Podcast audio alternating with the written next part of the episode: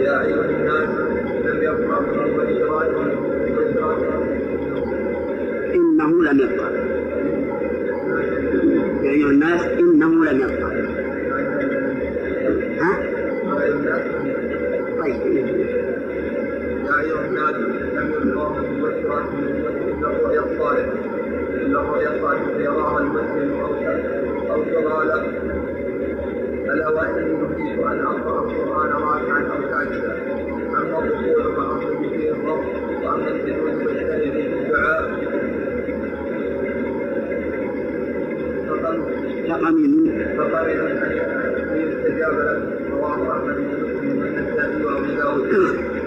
الرحمن الرحيم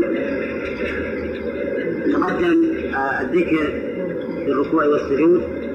في الركوع سبحان ربي العظيم وفي السجود سبحان ربي الأعلى وذكرنا وجه المناسبة في كونه في الركوع العظيم وفي السجود العلو. وأنتم على ذكر من هذا ولا لا؟ ها؟ طيب. آه، الأخ البراء مناسبة التعظيم في الركوع.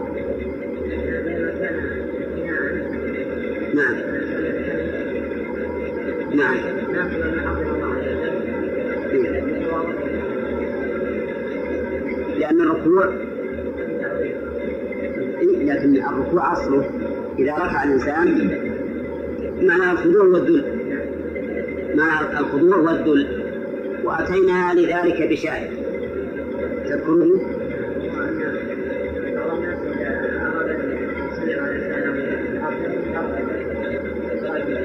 تعظيم وذل تعظيم للمسلم عليه وذلا بين يديه. طيب. لكن أتينا بشاهد من كلام العرب على أن الركوع بمعنى الذل. والخضوع؟ من يذكره؟ نعم. لا تهينا. هنا. والدهر قد رفع. لا تهين الفقير. هل لك أن تركع يوما والدهر قد رفع؟ لا تهين. من لا تهين؟ ما أصلح لا تهين قولك ها؟ أصلا لا تهينن.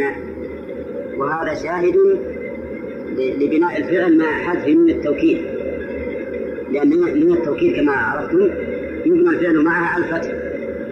وتحذف ويبقى البناء. لا تهينن الفقير. حذفت فبقي لا تهين الفقير. الشاهد قوله علك أن تركع يعني لعلك هذا توقع أن تركع يوما والدهر قد رفع فلذلك لما كان الركوع خضوعا وذلا ناسب أن نذكر الله بوصف العظمة التي لا ذل فيها ولا خضوع. طيب الآن أقيل مناسبة وصف الله بالعلو في هذا المقام.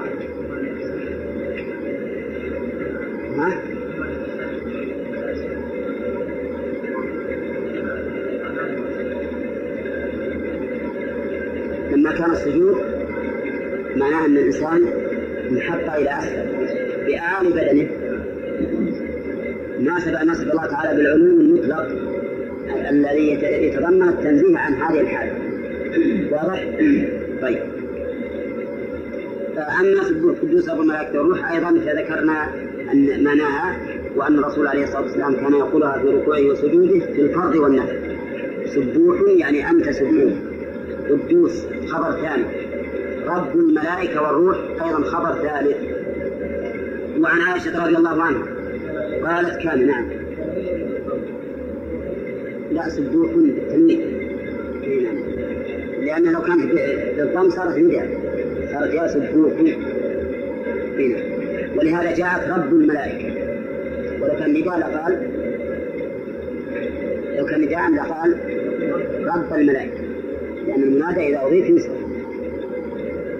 وعن عائشة رضي الله عنها قالت كان رسول الله صلى الله عليه وسلم يكثر أن يقول في ركوعه وسجوده سبحانك اللهم ربنا وبحمدك اللهم اغفر لي يتأول القرآن رواه جماعة للترمذي أعطاه الله تبارك وتعالى آية في أمته. إذا جاءت أمره أن يكثر من هذا من الاستغفار. فقال سبحانه وتعالى إذا جاء نصر الله والفتح. والمراد بالفتح هنا فتح مكة. ورأيت الناس يدخلون في دين الله أفواجا. وهذا هو اللي وقع. فإن الناس بعد فتح مكة دانت للإسلام. وصاروا يأتون أفواجا. ولهذا سنة تسع من الهجرة يسمى عام الوفود. عام الوفود. لأن الناس لما رأوا أن مكة اللي ينتظرون تسقط بأيدي المسلمين أو لا؟ بل هل يسقط أهلها بأيدي المسلمين أو لا؟ لما سقط أهلها وزالت دولتهم عن مكة عرفوا أن النصر تم للنبي صلى الله عليه وسلم فدخلوا في دين الله أفواجا. هذه الآية التي التي أراها الله النبي صلى الله عليه وسلم فعل عليه الصلاة والسلام ما أمر به. لقد قال الله تعالى فسبح بحمد ربك واستغفره إنه كان توابا. وهذه السورة وقع فيها أمر دافع فيه عمر عن نفسه. فمن الذي يذكره؟ اي نعم. كمل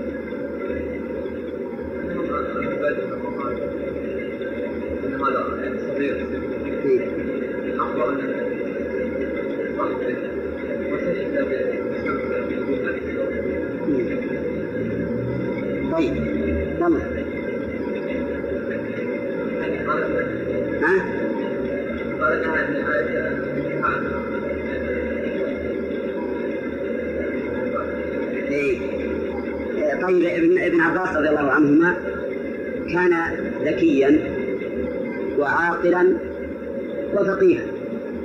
فكان عمر رضي الله عنه يجمعه مع الكبار من ذوي الرأي ويشاوره معه. فانتقدوا عمر وقال كيف يأتي بابن عباس وهو صغير ويدعو صبيانا فأراد عمر رضي الله عنه أن يمتحنهم وجمعهم يوم من الأيام وقال ما تقول في هذه السورة إذا جاء نصر الله والفتح إلى آخره؟ قالوا معنى أن الله يأمر نبيه صلى الله عليه وسلم إذا جاء النصر والفتح أن يسبح بحمد ربه ويستغفره. وانتهينا ما عنده ولد فقال ابن عباس رضي الله عنه هذا أجل رسول الله صلى الله عليه وسلم.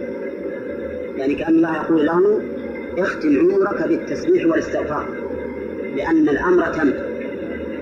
إيه؟ فقال والله ما أعلم فيها إلا ما علمت.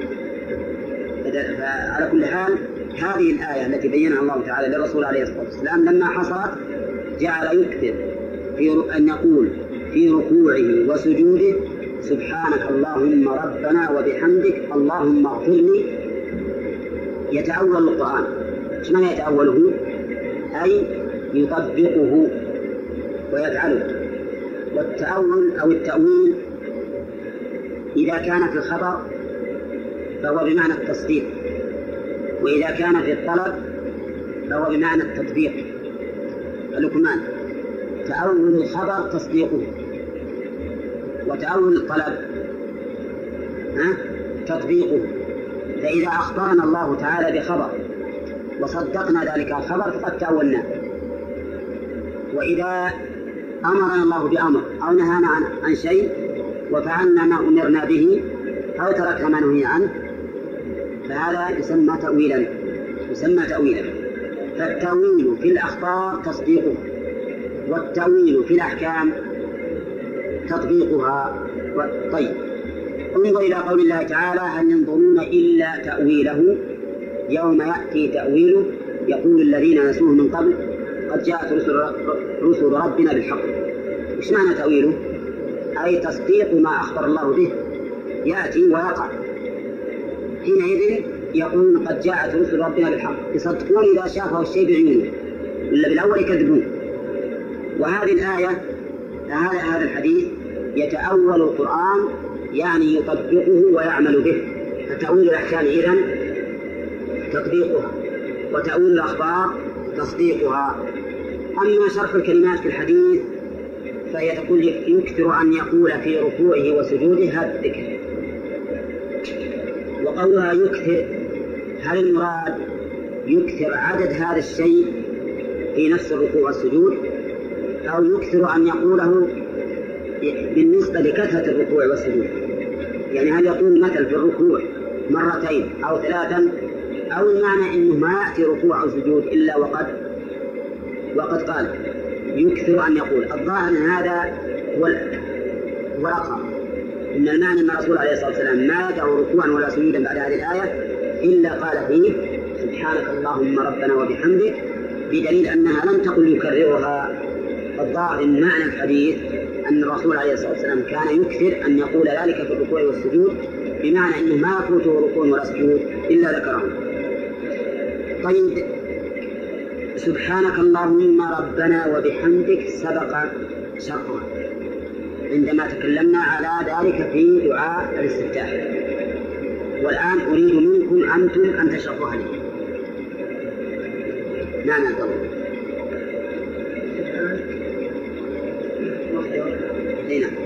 اسم مصدر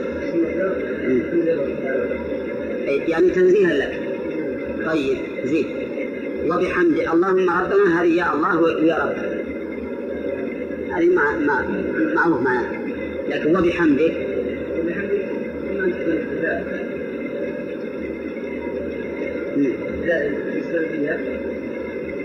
أي نعم. ها؟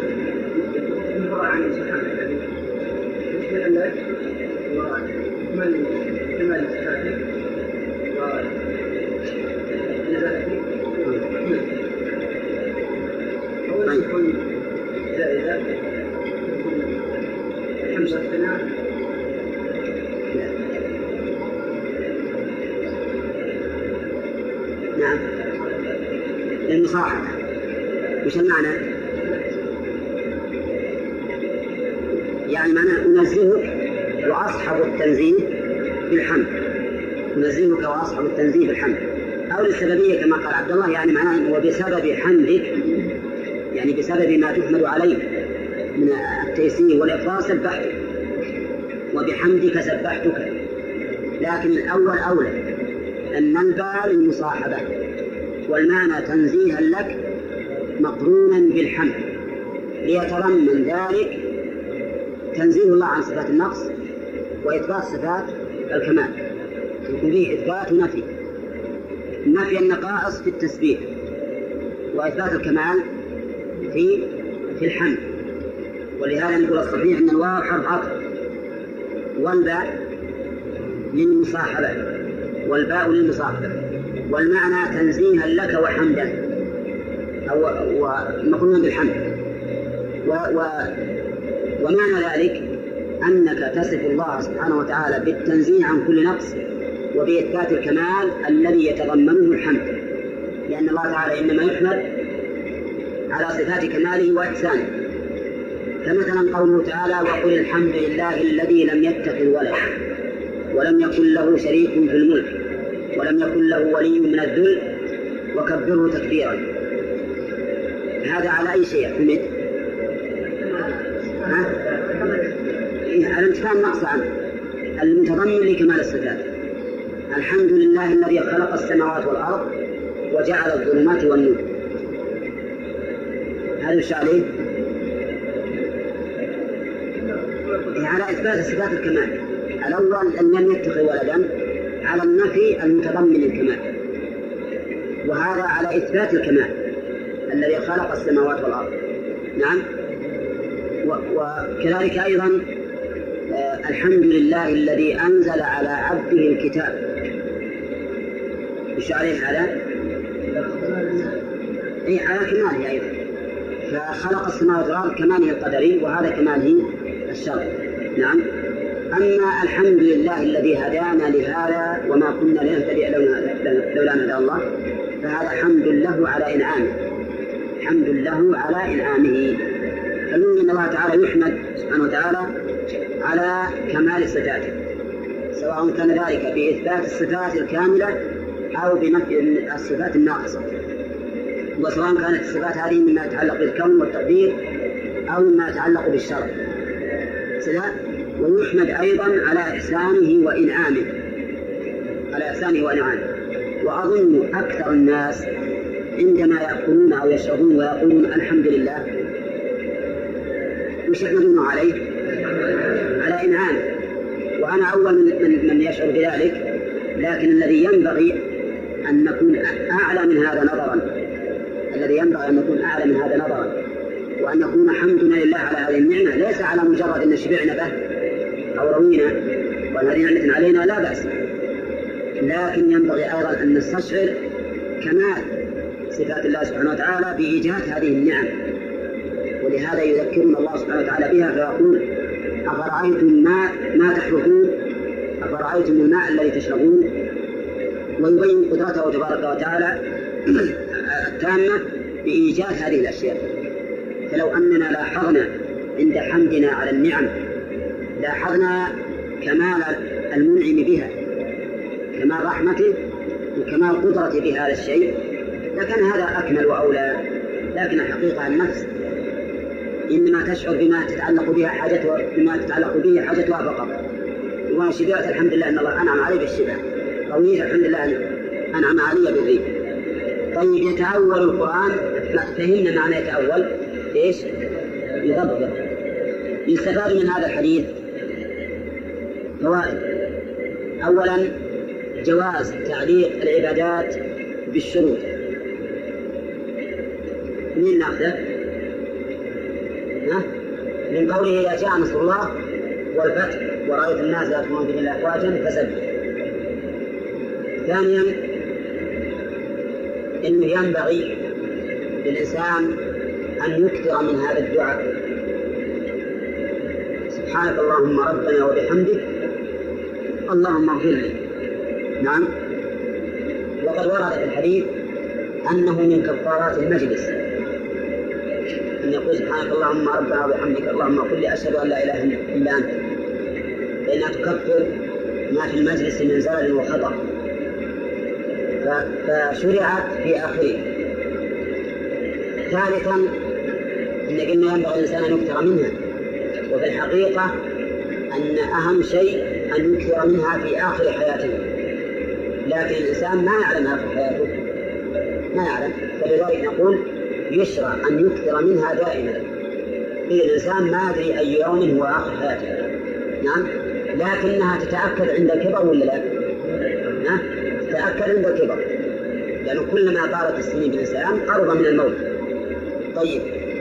في دليل الفائدة الرابعة وهو الذي أراد المؤلف أنه يشرع أن يقول هذا الذكر شو الركوع والسجود. الركوع والسجود. لكن تأملوا هذه الفائدة؟ وأخذ من هذا الحديث مستقيم ولا لا؟ اي ما خالف. أنا أقول لك. سواء قلنا يكثر العدد أو يكثر انه ما ما يفوت ركوع وسجود إلا قال. سواء هذا ولا هذا الكلام على إنه هل يشرع لنا نحن أن نفعل كما فعل الرسول صلى الله عليه وسلم ولا لا؟ طيب نعم. ها؟ تأسيا به. لكن قد يقول قائل الرسول صلى الله عليه وسلم إنما أمر بهذا بقيد يختص به. وهو إذا جاء نصر الله والفتح. فقد أمر بهذا عند مجيء ذكر نصر الله والفتح. وش الجواب على هذا الإيراد؟ ها؟ لا ما هذا حصول السبب الأصل الشرط أمر بهذا الشيء إذا وجد هذا الشيء. أي نعم. نقول هذه النعمة لم تزل إلى الآن. إلى الآن موجودة. هذه النعمة التي أمر النبي صلى الله عليه وسلم أن يقول ذلك إذا رآها. هي موجودة. موجودة إلى يوم القيامة. فإذا المشروعية باقية ولا لا؟ المشروعية باقية من هذه الناحية. من ناحية أن إذا جاء نصر الله والفتح هي نعمة على الرسول عليه الصلاة والسلام. أمر أن يقول سبحان أن يسبح بحمد ربه ويستغفره إذا رآها. فهي إذا نعمة علينا. بل أنا أقول لكم نصر الله لموسى على فرعون. نعمة علينا ولا لا؟ نعمة علينا نعمة علينا نصر الله لكل مؤمن من أول الدنيا إلى آخرها نعمة على المؤمنين. بلا شك. طيب إذا يشرع للإنسان أن يقول في ركوعه وسجوده سبحانك اللهم ربنا وبحمدك اللهم اغفر وهذا جامع للثناء على الله ولدعائه. نعم.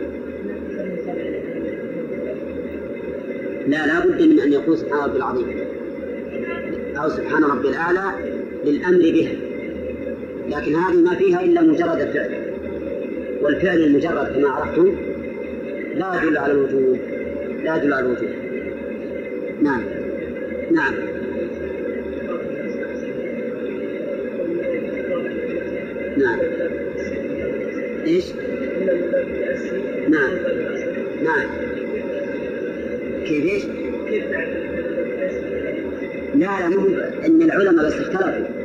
هم متفقون على أن الخطاب الذي للرسول صلى الله عليه وسلم إذا لم يكن دليل على الخصوصية إنه عام له وللأمة. لكن هل هذا العموم من جهة التأسي أو من جهة أننا مخاطبون به؟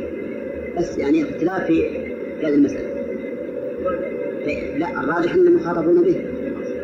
أنه أصلي أن الخطاب موجه له ولكن نحن معه. وبينا ذلك أيضا أمس. شاهده من القرآن وشاهده من الواقع. بيناه لكن أنا حاضر أمس نعم؟ ها؟ يجزيك وعن عامر بن عبد الله بن عتبة عن ابن مسعود رضي الله عنه أن النبي صلى الله عليه وسلم قال إذا ركع أحدكم فقال في ركوعه سبحان ربي العظيم ثلاث مرات فقد تم ركوعه وذلك أدناه وإذا سجد فقال في سجوده سبحان ربي الأعلى ثلاث مرات فقد تم سجوده وذلك أدناه رواه الترمذي وأبو داود وابن ماجه. هذا الحديث يقول إذا ركع أحدكم فقال في ركوعه. وإذا سجد فقال في سجوده. يقول ثلاث مرات فقد تم ركوعه. والتمام تارة يراد به التمام الواجب وتارة يراد به التمام تمام الفضيلة.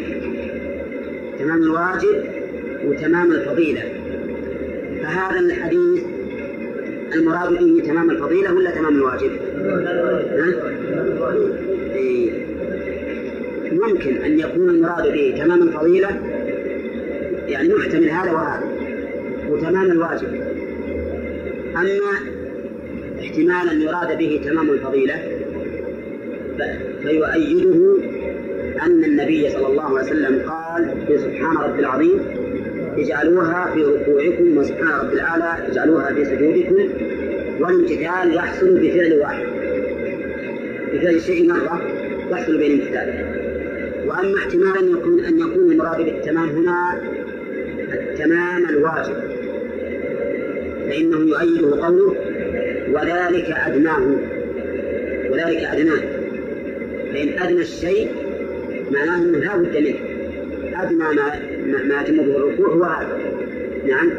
ثم إنها ثم إن الاستدلال بالحديث السابق قد نقول إنه يحمل على هذا. يقول اجعلوها في ركوعكم هذا مطلق وبين هذا الحديث أنه لا بد منه ثلاث مرات لكن الحمد لله أن الحديث هذا فيه علة. وش العلة؟ الإرسال قال وهو مرسل عون لم يلقى ابن مسعود. كلام المؤلف قوله وهو مرسل.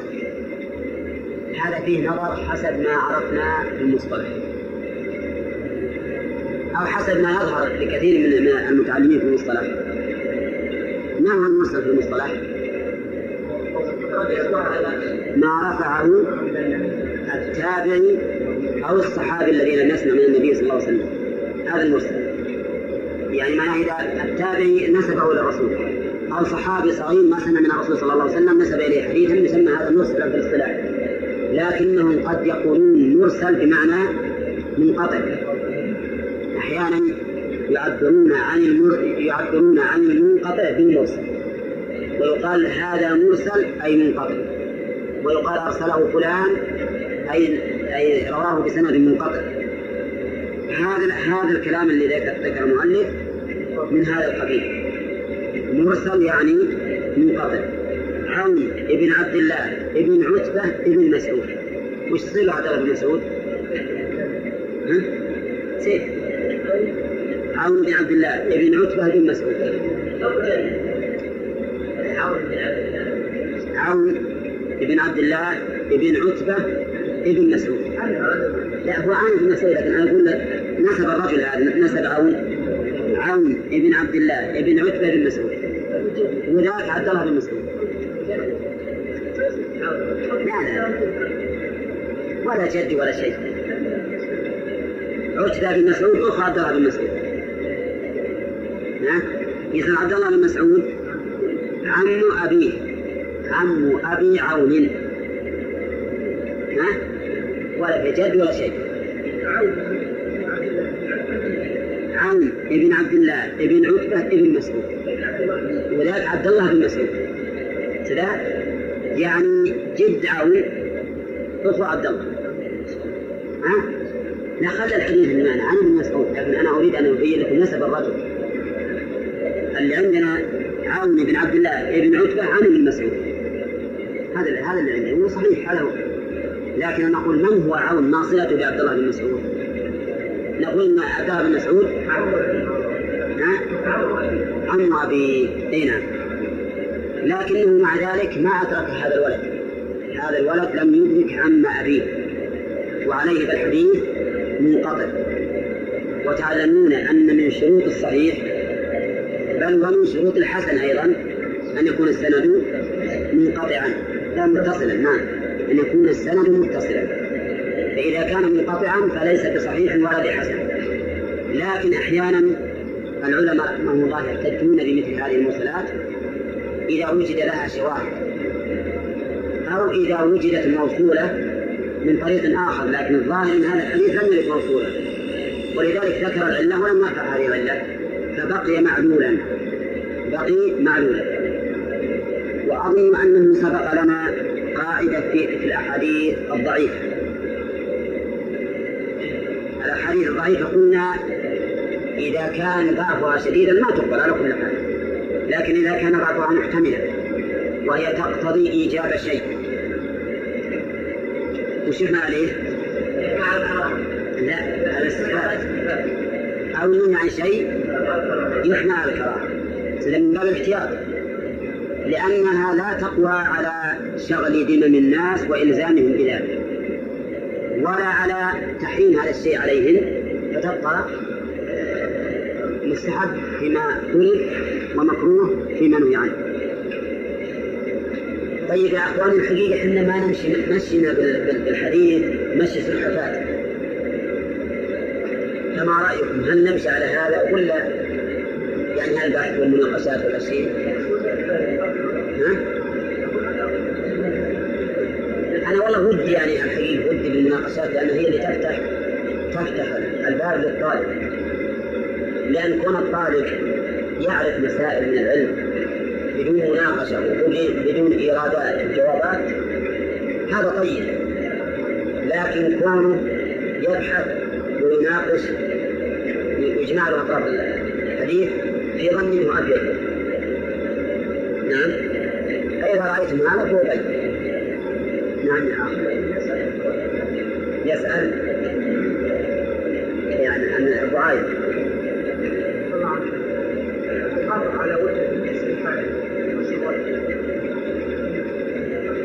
حسب ما ما يظهر لي بالتتبع إنه مشهور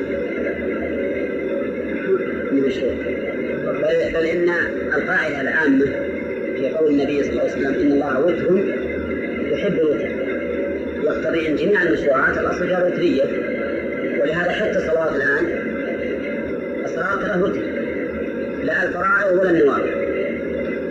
كذا؟ كل شيء في الحقيقة المشروعات تجد وتر تجد مثلا الصوم وتر لأنه شهر واحد وتجد أيضا الزكاة ما يمكن ضبطها كثير ما فرض علينا أصلا تجد مثلا الحج وتر ولا نعم. وتر هو ما يجب إلا مرة هذه واحدة. الشيء الثاني الطواف واحد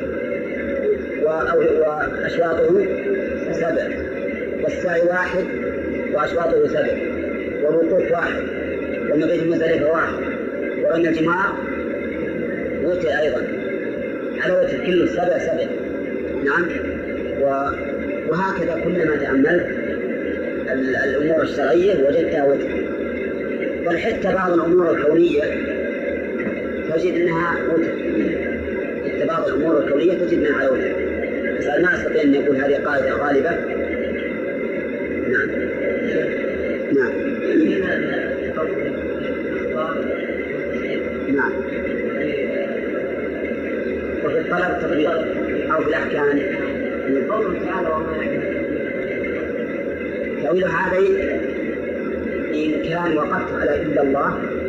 فالمراد الخبر. يعني وقوع المخبر به وإن وإن لم تقف فهو التفسير. إن لم تقف.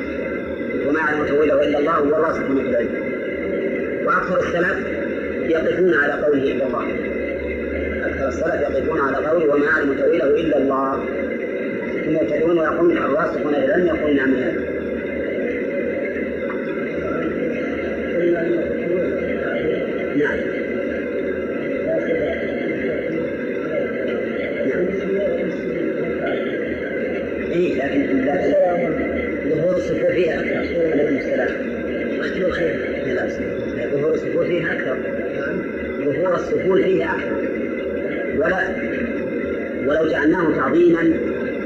والأخرى تعظيما تكرر التعظيم مرتين.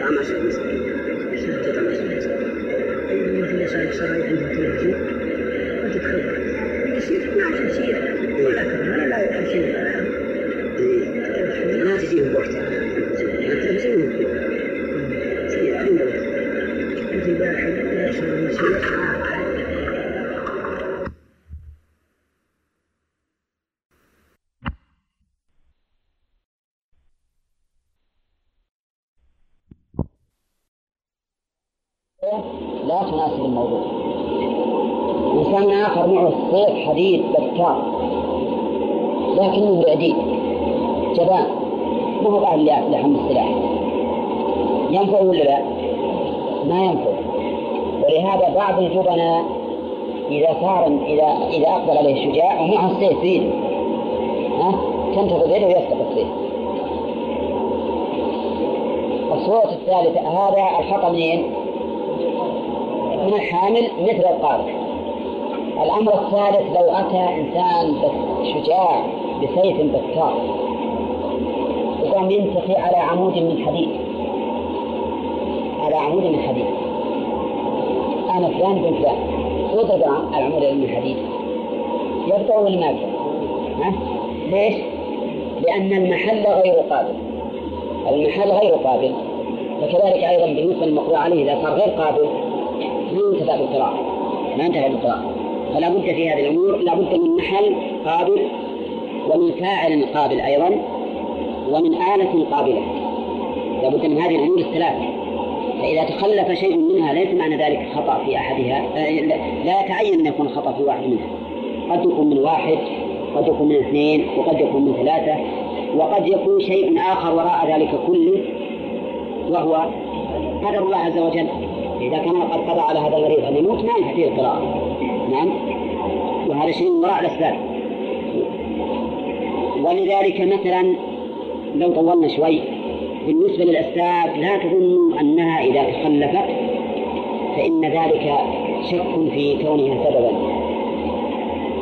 الرسول عليه الصلاة والسلام أخبر أن الرجل إذا أتى أهله وقال بسم الله اللهم جنبنا الشيطان وجنب الشيطان ما رزقتنا فإنه إن يقدر بينهما ولد لا يضره الشيطان كثير من الناس يقول والله أنا أفعل هذا عند أهلي عند أهلي جميع عيالي شياطين نعم. وش السبب؟ نقول هذا سبب فعلك هذا سبب. لكن الأسباب قد يكون هناك موانع. انظر إلى قول الرسول عليه الصلاة والسلام كل مولود يولد على الفطرة. فأبواه يهودانه أو ينصرانه أو يمجسانه ولا هو مولود على الفطرة. السبب سبب الاستقامة الموجود كان فيه لكن يوجد أشياء تصرف. فيجب أن أن يكون أن يكون الإنسان عنده علم بهالأمور بحيث لا يشك في سبب جعله الشارع سببا لتخلف لأن يعني هناك شيء وراء الأسباب. والله موفق نعم. نفس الشيء. إيش؟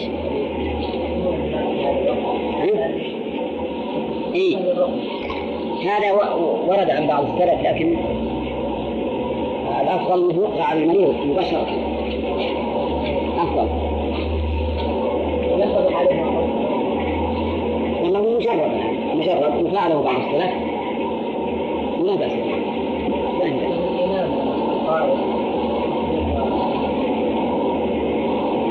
على أساس أن الرجل يقرأ آية القرآن يرى أنه مؤثرة وأن هذا من أسبابه لأن هذا الماء بيشرب. هذا الماء يشرب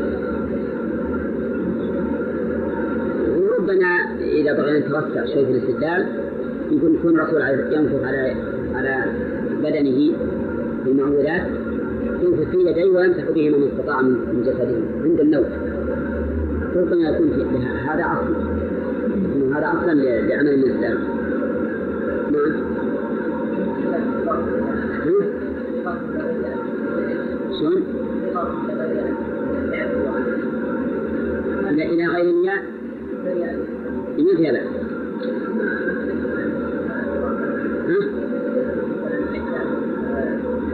هذه ما تحتاج. اللهم يمكن إذا صار عنده مثلا يمكن صار عند عند السيد يقول هذا عبدك وما أشبه ذلك. وهذا عاد ترجع إلى نقول الأصل الجواب الأصل الجواب فإذا خيف مفسدة من هذا كل شيء مباح إذا أدى إلى مفسدة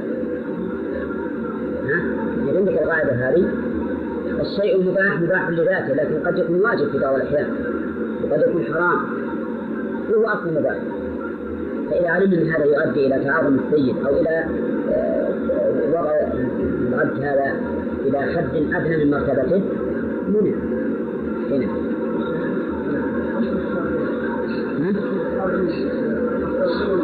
نعم الصلاح الصلاح في الدين والدنيا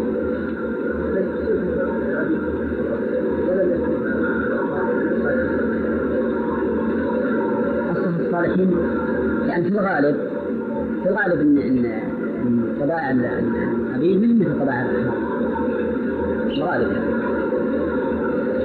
لا قيدهم بالصلاح.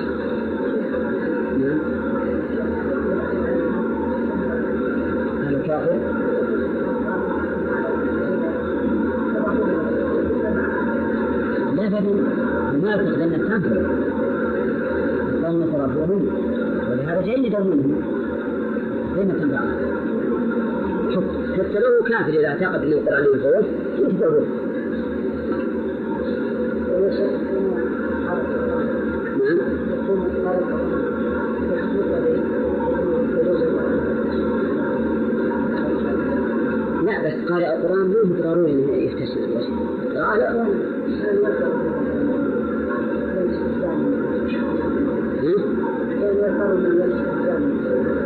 يفهم إذا دعت الحاجة الحين مر علينا أمس بالقرايه إن هذه الأشياء محرمة إيش؟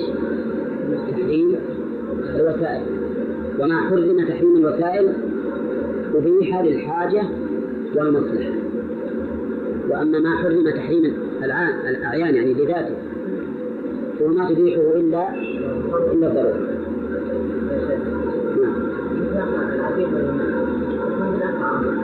تزويجه إيه؟ يجوز للعبد أن يتزوج حرة لكن ما يجوز للحر أن يتزوج أمه إلا بالشرط الذي ذكر, ذكر الله. والسبب أن الحر إذا تزوج أمه كما قال الإمام أحمد رق نصفه.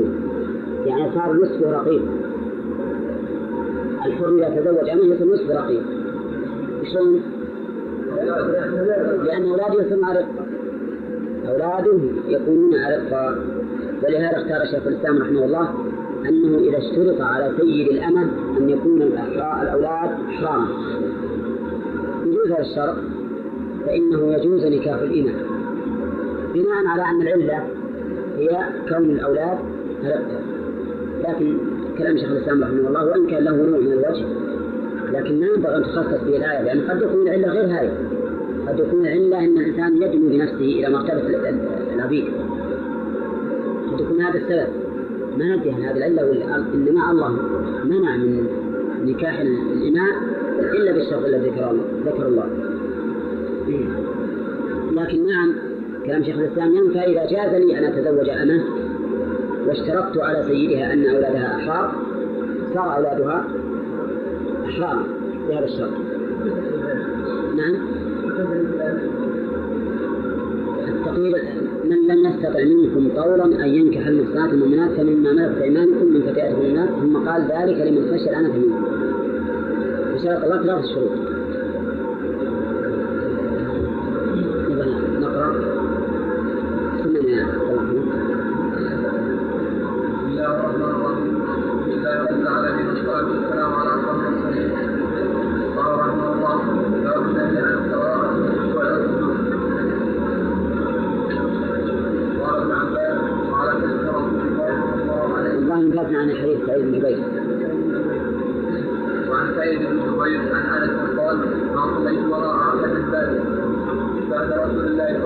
عليه وسلم مجموع صلاة برسول الله صلى الله عليه وسلم خالفتها يعني عمر بن عبد العزيز قال نظرنا في ركوع احد الجهاد وفي سجود احد الاتحاد رواه احمد وابو داود والنسائي باب النهي من القراءة في الركوع والسجود عن ابن عباس قال كتب رسول الله صلى الله عليه وسلم التجارة والناس وأن تقتلوا أبي بكر فقال يا أيها الناس لم يبقى منكم بينه يا أيها الناس لم يبقى من المبشرات من إلا الرؤيا الصالحة. الرؤيا الصالحة يراها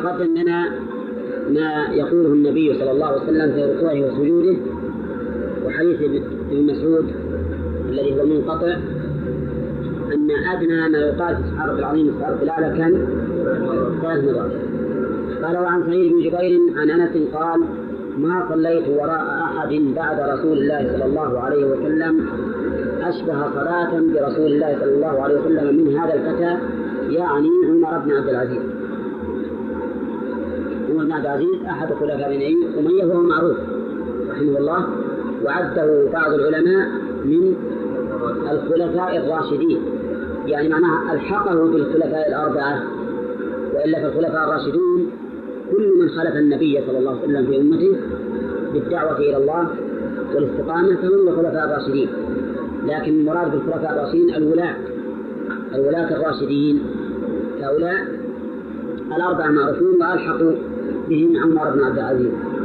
وهو جدير بذلك لأنه رحمه الله سيرته معروفة مرضية في وقت لم يتوفر في وقت لم يوجد مثله في زمن الخلفاء الراشدين. فإن الناس في زمن الخلفاء الراشدين كانوا على الاستقامة لكن في عهده هو كان الخلفاء منحرفين كثيرا وكان فيه الخوارج كثيرا كان فيه أشياء ما توجد في عهد الخلفاء الراشدين الأربعة. لذلك كان رضي الله عنه يعتبر نادرا في زمنه. يا ومن حرصه أيضا إن كان يتبع الرسول عليه الصلاة والسلام حتى في الصلاة. ولهذا شهد أنس رضي الله عنه وهو صحابي وشهادته وتزكيته مقبولة. أن ما صلى وراء أحد بعد النبي عليه الصلاة والسلام أشبه صلاة برسول الله صلى الله عليه وسلم من هذا الفتى يعني عمر بن عبد العزيز. وقد يرد علينا إيراد يقال ألا تكون صلاة أبي بكر وعمر وعثمان وعلي أشبه بصلاة الرسول من عمر بن عبد العزيز؟ نعم. أي نعم. الظاهر مرادك في زمنه يعني بعد الخلفاء الأربعة. ولا ما أظن أن أبا بكر رضي الله عنه يقصر عما وصل إليه عمر بن عبد العزيز. نعم هذا قطعا لا يكون. لكن مراده أن الناس تغيروا وأنه في زمنه ما صلى. وإن كان هذا بعيد يعني حسب اللفظ لكن يجب أن يحمل على ذلك. لأن الناس غيروا في الصلاة من عهد من عهد قديم. حتى إنه أنهم دخلوا على أنس رضي الله عنه وهو يبكي فقالوا له ما يبكيك؟ قال ما, لا ما لي لا أبكي والناس قد غيروا حتى في الصلاة غيروا فيها ما غيروا فيقول فحذرنا إيش معنى حضرنا؟ أي قدرنا في ركوعه عشر تسبيحات وفي سجوده عشر تسبيحات رواه أحمد وأبو داود والنسائي يعني قدرنا أنه يستوعب عشر تسبيحات. لكن مو لازم يسبح عشر. قد يسبح ثلاث ويدعو بغير التسبيح. نعم لكن المعنى أن ركوعه وسجوده بهذا المقدار. وعلى هذا فينبغي للإمام أن لا يزيد على مقدار عشر تسبيحات. لأن هذه هي صلاة النبي صلى الله عليه وسلم. فإن زاد على هذا المقدار يعتبر مخالفا للسنة وظالما لمن وراءه إلا إذا آثروا ذلك إذا كانوا محصورين وآثروا ذلك. ومن هذا النوع فيما يبدو النوافل التي تفعل الآن في قيام رمضان. فإن الإمام لا شك أنه يسبح أو يدعو في الركوع والسجود أكثر من عشر تسبيحات. لكن الناس قد رضوا الناس قد رضوا بذلك. نعم. ثم إن النفل غير الفرض لأن النفل يستطيع المأموم أن أن يفارق الإمام ولو ملزم به. ولهذا كان الرسول عليه الصلاة والسلام إذا صلى معه بعض أصحابه في صلاة الليل كان يطول طولا بالغا. أن ابن مسعود ذكر أنه صلى مع النبي صلى الله عليه وسلم ذات ليلة فأطال يقول حتى هممت بأمر سوء. قيل بما هممت يا أبا عبد الرحمن؟ قال هممت أن أجلس وأدعه. نعم. على كل حال آه الفريضة لا تتعدى عشر تسبيحات لا عشر تسبيحات. والنافلة أقول إلا إذا كان الجماعة محصورين. ورضوا بأن يطول أكثر من عشر تسبيحات وحينئذ يجوز. ومثل ذلك أي مثل ما يرضى به المأمون ما يقع في النوافل في هذا الشهر. ثم قال باب النهي عن القراءة في الركوع والسجود. على كل حال يستفاد من هذا الحديث آه، فضيلة عمر بن عبد العزيز رحمه الله ويستفاد أيضا أنه ينبغي للإنسان أن يشهد لأهل الفضل بالفضل. نعم. ولهذا يقول الشاعر إنما يعرف الفضل من الناس ذووه إنما يعرف الفضل من الناس ذووه يعني ما يعرف الفضل لغيرهم إلا أصحاب الفضل. نعم. ففي حديث أنس اعتراف بفضل عمر بن عبد العزيز رحمه الله. وفيه أيضا أن مدح الإنسان ليقتدى به. جائز. لأن أنس بن مالك لماذا قال الكلام في عمر؟ لأجل أن يقتدي الناس به. فإذا مدح الإنسان أحدا أهلا للمدح لأجل أن يقتدي الناس به فهذا لا بأس به. ما يقال هذا من الأمور التي نهى الشارع عنها. بل هذه من المسائل التي فيها المصلحة. وكثير من الأشياء تجد أن النية لها تأثير في تحليلها أو تحريمها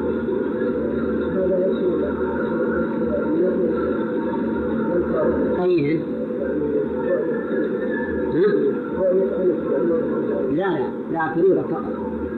فريضة فقط.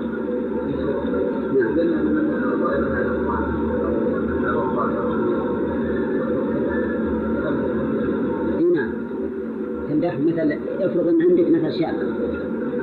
وقلت ما شاء الله على ما رأيت مثل الرجل الفلاني الشاب الفلاني. حرصه على الخير وعلى لأجل تشجع الشاب الثاني. مثل نعم.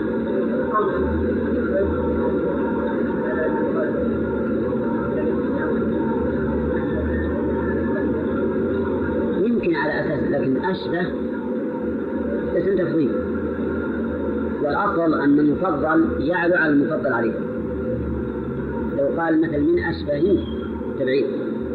فأنت مثل إذا قلت أشد الناس كذا وأعظم الناس كذا وأشبه الناس بصفات رسول فلان. نعم. فهذا الأصل الأصل في التفضيل أن يكون المفضل فوق المفضل عليه. لكن إذا وجد قرينة ودليل يدل على أنه مساو لغيره فهو يجب يجب أن يحمل على هذا. مثل ومن أظلم ممن منع مساجد الله ومن أظلم ممن افترى على الله كذبا. ومن أظلم ممن ذهب يخلق خلقي كل هذه تقتضي مهما أحد أظلم من هذا الشيء.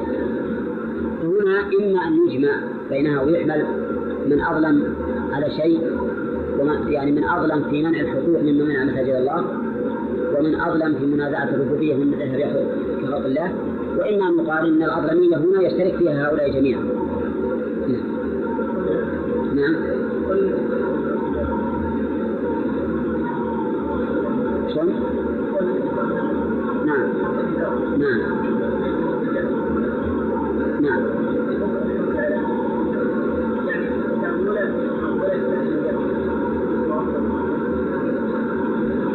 يحمل على التساوي يعني هذا خلاف الظاهر بالحقيقة هذا مثل ما يمكن إصابة إليه إلا إذا علمنا بأن هناك من يساويه شرعا.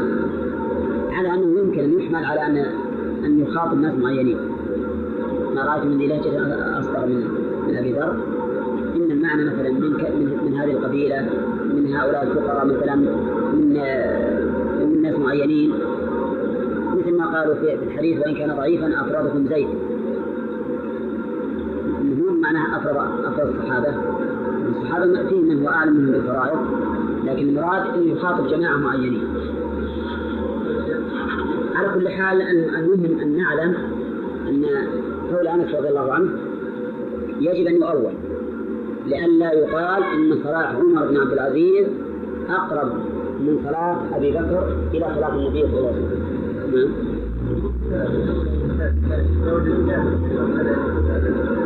يمكن هنا يمكن تقول ما رأيت إمام أشبه من الإمام لكن ما تقول بعد رسول الله؟ لأن اللي أوجب الإشكال كلمة بعد رسول الله. هنا من اللي أوجب الإشكال؟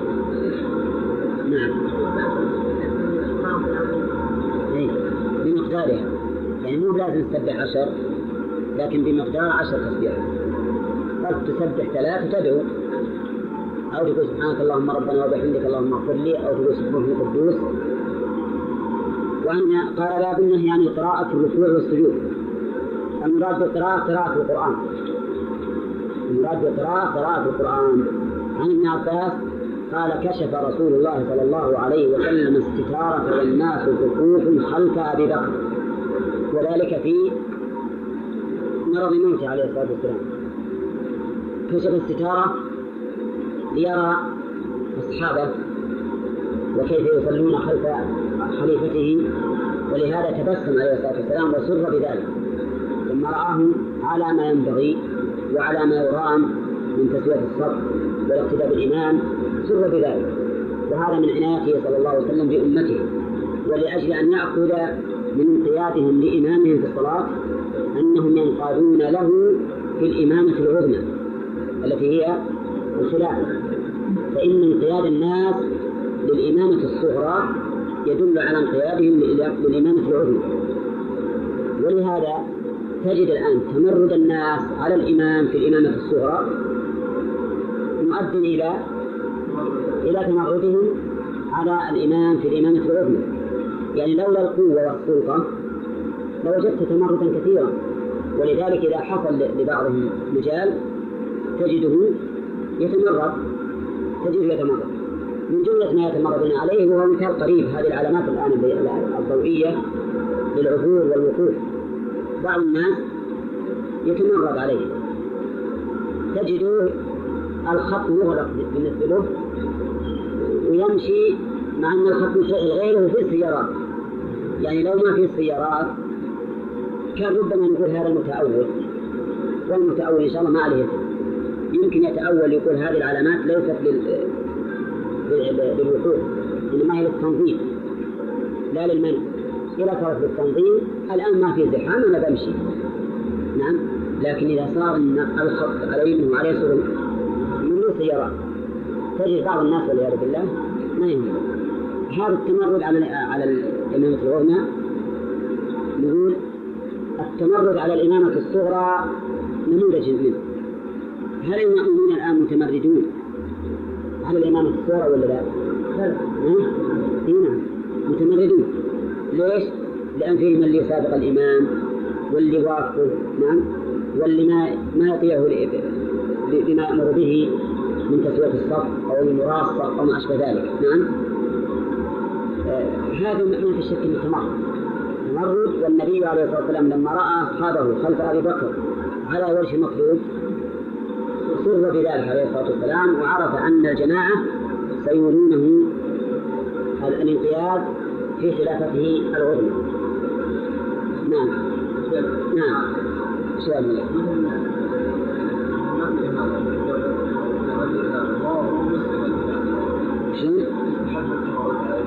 إذا كان كافر صريح النبي عليه الصلاة قال إذا إلا أن تروا كفرا بواحا عندكم فيه من الله برهان. إيه؟ يجب يجب أنهم يقولون عليه في نص كفر صريح لن يجعل الله للكافرين على المؤمنين سبيلا لكن بس لاحظ انه لازم من كفر بواحد. لأن قد يكون كفر عندك ولا كفر عنده ما في صريح. نعم.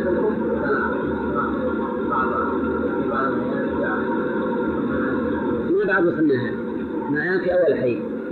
هذه نذكرها في الفوائد إن شاء الله؟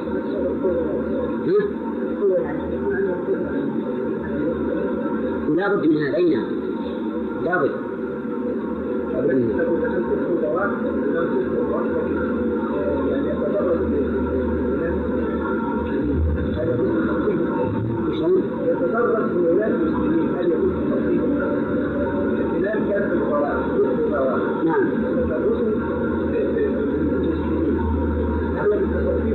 أصل هؤلاء المسلمون لا يجوز لهم أن يوالوه ويساعدوه على البقاء في إمامته ما يجوز هذا حرام عليهم.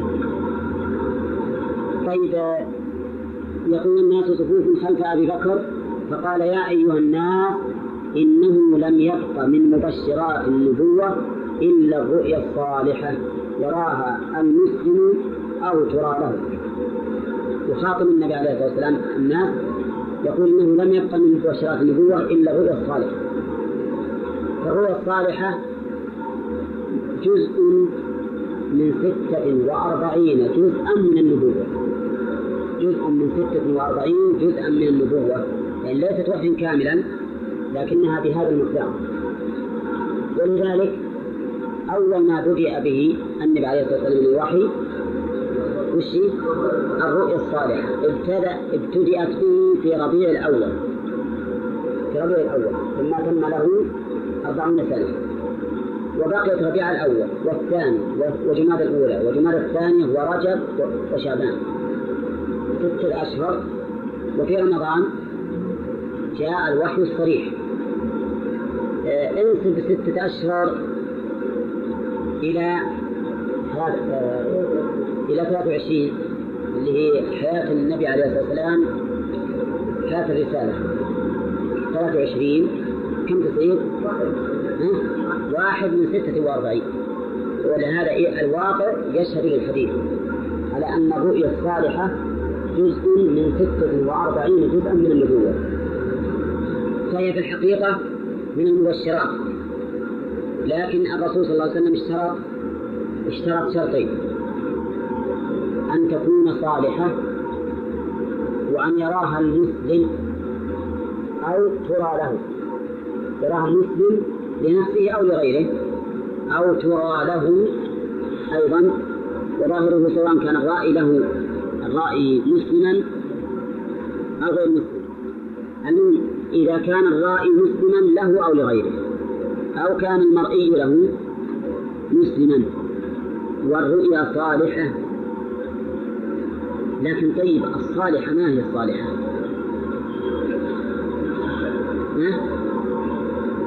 هذه هي المشكلة. ما معنى الرؤيا الصالحة؟ عجيب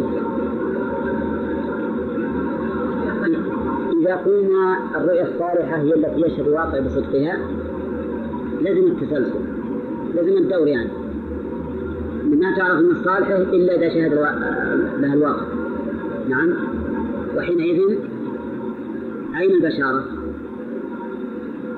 حينئذ أين البش... أين البشارة؟ لكن قد يقال إن إنه إذا شهد لها الواقع وكان قد رآها المسلم يكون هذه الرؤيا مقدمة لأنه لابد أن المسلم إذا رأى شيئا رأى شيئا يسره لابد أن يستبشر مهما كان. فإذا شهد له الواقع صارت الأولى بشارة وصار هذا بمنزلة البشير الذي يعطيك علم اليقين. ووقوعها بمنزلة عين اليقين. وقوعها بمنزلة عين اليقين. الصالحة بالحقيقة هي ما شهد لها ما شهد لها الواقع وقد يرد علينا ما أشرت إليه وهو أنك إذا قلت الرؤيا الصالحة ما شهد لها الواقع لزم الدور إذ لا نعرف أنها صالحة إلا بشهادة الواقع لها. وحينئذ فأين البشارة؟ جوابنا على هذا أن نقول إن المؤمن إذا رأى الرؤيا التي تسره نعم هل يفرح ولا لا؟ يفرح بلا شك ويرى أن هذا خير فإذا وقعت صار ما رآه بشيرا حصل به إيش؟ البشارة اللي هي بمنزلة علم اليقين وصار الواقع بمنزلة عين اليقين واحد مثلا قال لك ولد لك ولد إنسان قال ولد لك ولد هذه بشرى نعم لكن لما ذهبت إلى البيت وجدت الولد موجود ها؟ هذا يسمى عين اليقين. لأن مراتب اليقين يقولون ثلاثة علم وعين وحق نعم. فالعلم بالخبر والعين بالمشاهدة والحق بالملامسة بالمباشرة عندما أقول لك مثلا وما خالف. هو مثال لا بأس. عندي لك حلاوة. أبى أعطيك إياه هل وش يصير؟ علم اليقين يعني كويس منه إذا مني جبت حطيتها قدامك بالصحن فهذه عين اليقين كأنك أخذته وكلته صار هذا حق اليقين. صار هذا حق اليقين. فنقول مراتب اليقين ثلاث. علم وعين وهو ما يحصل بالمعاينة وحق وهو ما يحصل بالمباشرة. بالمباشرة والملامسة. نعم. إخبار الله سبحانه وتعالى عن النار. عين. رؤية أهل النار للنار يوم القيامة. عين. إذا وقعوا فيها حق. هنا طيب. نعم. إيه علم. هو قلنا هذا الأول هذا سهل إخبار الله عنها علم. ورؤية الناس لها يوم القيامة عين وسقوط الناس فيها أهلها. هذا حق. طيب ثم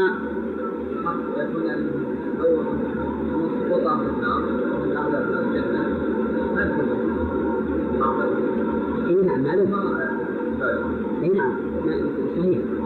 صحيح لكنهم لكنهم يشاهدون ذلك عين اليقين ثم قال ألا وإني ألا وإني نهيت أن أقرأ القرآن راكعا أو ساجدا. ألا وإني نهيت. هذا مما يدل على أن الرسول عليه الصلاة والسلام عبد. يؤمر وينهى. ألا وإني نهيت. والذي نهاه من؟ الله. طيب هذا الحديث هل نسميه قدسيا حكما كما نسمي قول الصحابي؟ نهينا عن كذا مرفوعا حكما. ها؟ لا. قدسيا. ها؟ نعم نقول نقول على قياس. أنا ما رأيت في هذا الكلام لكن على قياس قولنا إن الصحابي إذا قال نهيت عن كذا أو نهينا عن كذا انه يكون مرفوعا حكما يقول إذا قال النبي عليه الصلاة والسلام نهيت عن كذا أو أمرت بكذا فهو قدسي حكما. لأن معروف من اللي يوجه الأمر والنهي للرسول الله سبحانه وتعالى أمرت أن أسجد على ثبت أعظم نهيت أن أقرأ القرآن. يقول هذا في حكم الحديث القدسي. نعم.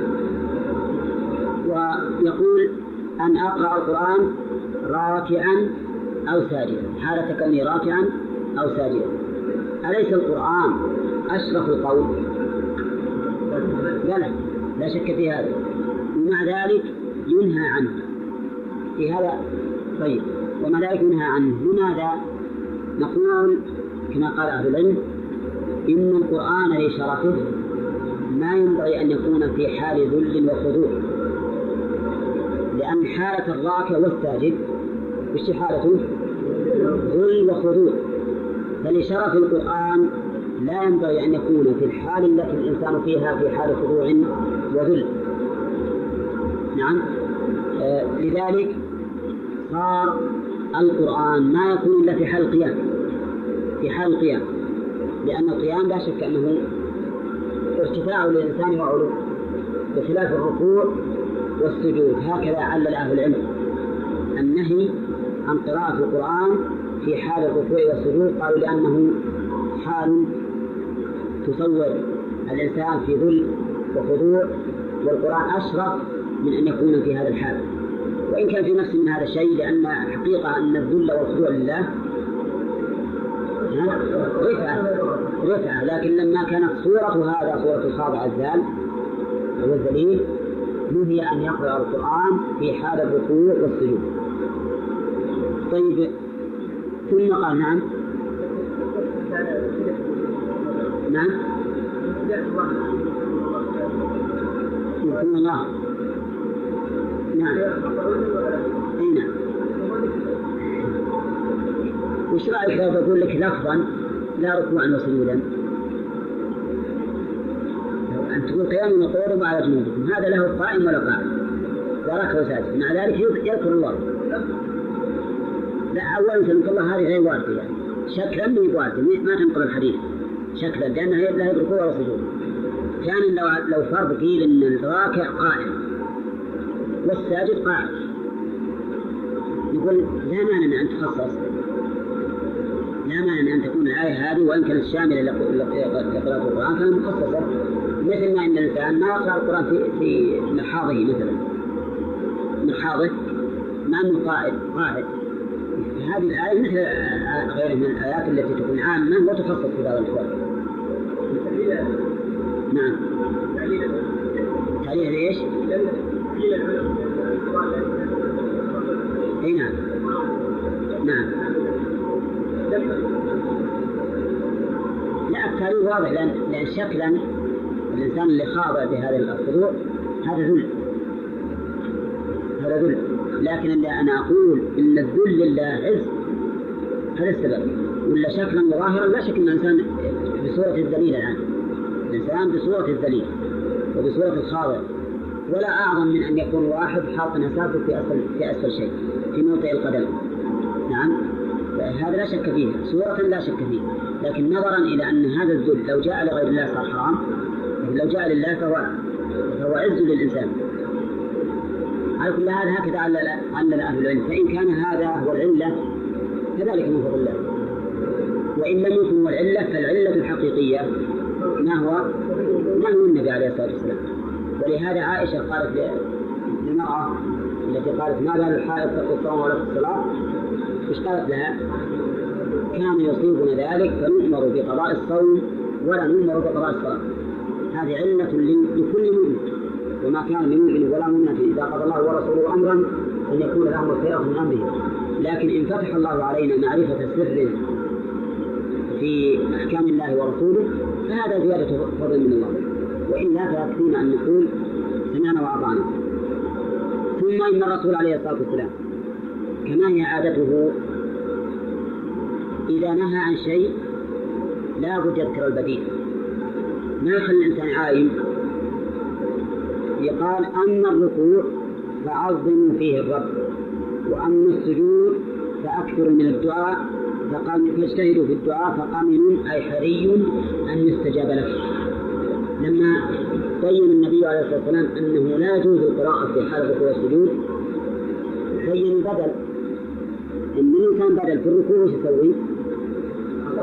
يعظم الرب يعظم الرب يعني سبحان ربي العظيم سبحان ربي العظمة وما أشبه ذلك في السجود يجتهد في الدعاء لأنه حري بأن يستجيب الله له حيث كان الإنسان أقرب ما يكون من ربه وهو ساجد طيب قلنا إن من عادة الرسول صلى الله عليه وسلم أنه إذا ذكر منعا ذكر بدلا هل تستحضرون مثالا آخر في هذه المسألة؟ ما هو؟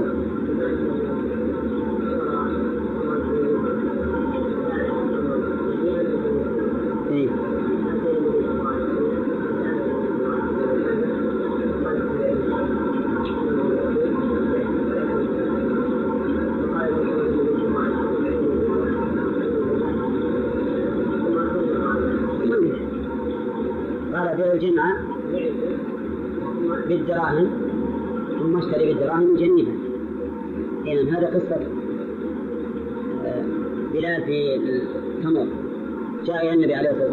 جيد وقال هذا كل تمر خيبر هكذا. قال لا. لكن يبيع الصاع بالصاعين والصاعين بالثلاثة. قال هذا عين الربا لا تفعل ثم بين الطريق السليم. طيب يستفاد من هذا الحديث أولا عناية النبي صلى الله عليه وسلم بالأمة. حيث أن في مرضه ولم يشغله مرضه عن معاناته عن عنايته بهم ورؤيتهم له. ثانيا التنبيه على أن الخليفة من بعده من؟ أبو بكر. لأن الرسول صلى الله عليه وسلم استخلفه على أمته في ركنين من أركان الإسلام. وش نعم الصلاة والحج. الصلاة والحج. طيب. الفائدة الثالثة مشروعية المصافة لقوله والناس صفوف والرابعة أن المشروع في المصافة تقدم الإمام على المأمومين لقوله إيش؟ خلف أبي بكر ولا يستثنى من ذلك شيء حتى الجنازة السنة أن لا يتقدم إليها سوى الإمام خلافا لعمل الناس في كثير من البلدان الآن تجدهم يصلون إلى جنب الإمام بدون سبب. لأن ليس هناك سبب أنه أنه ألجأهم إلى أن يصلوا جنب الإمام. وهذا من من الأمر الذي ينبغي للأئمة أن يبينوا للناس بالقول وبالفعل. أن هذا ليس مشروعا. نعم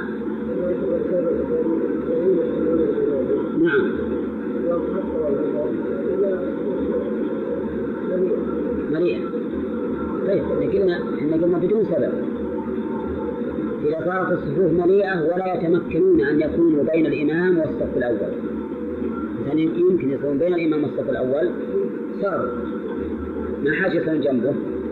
لكن تجد بينه وبين الصف الأول يمكن ياخذ صفين. ومع ذلك يصلون جنب الإمام. لا بس هذه عادة ارتكبوها بالحقيقة وسببها أن الأئمة ما ينبهون عنها. لم وهذه مشكلة.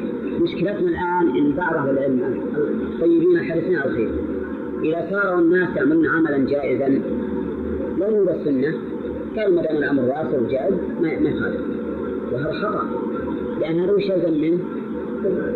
ها؟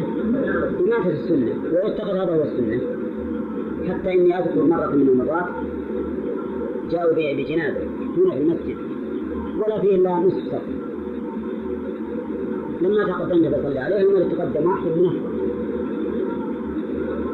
إيش إيش تأخر ما ما لها أحد ما لها أحد يعني كان ما لها أحد لازم أنا أصلي على الجنب مش ولو صار لو لها أحد ما يمكن يصلون جنبي لا أصلي جنبي ما دام واسع ورجع على إغماء يعني مهمات مهمات عليه.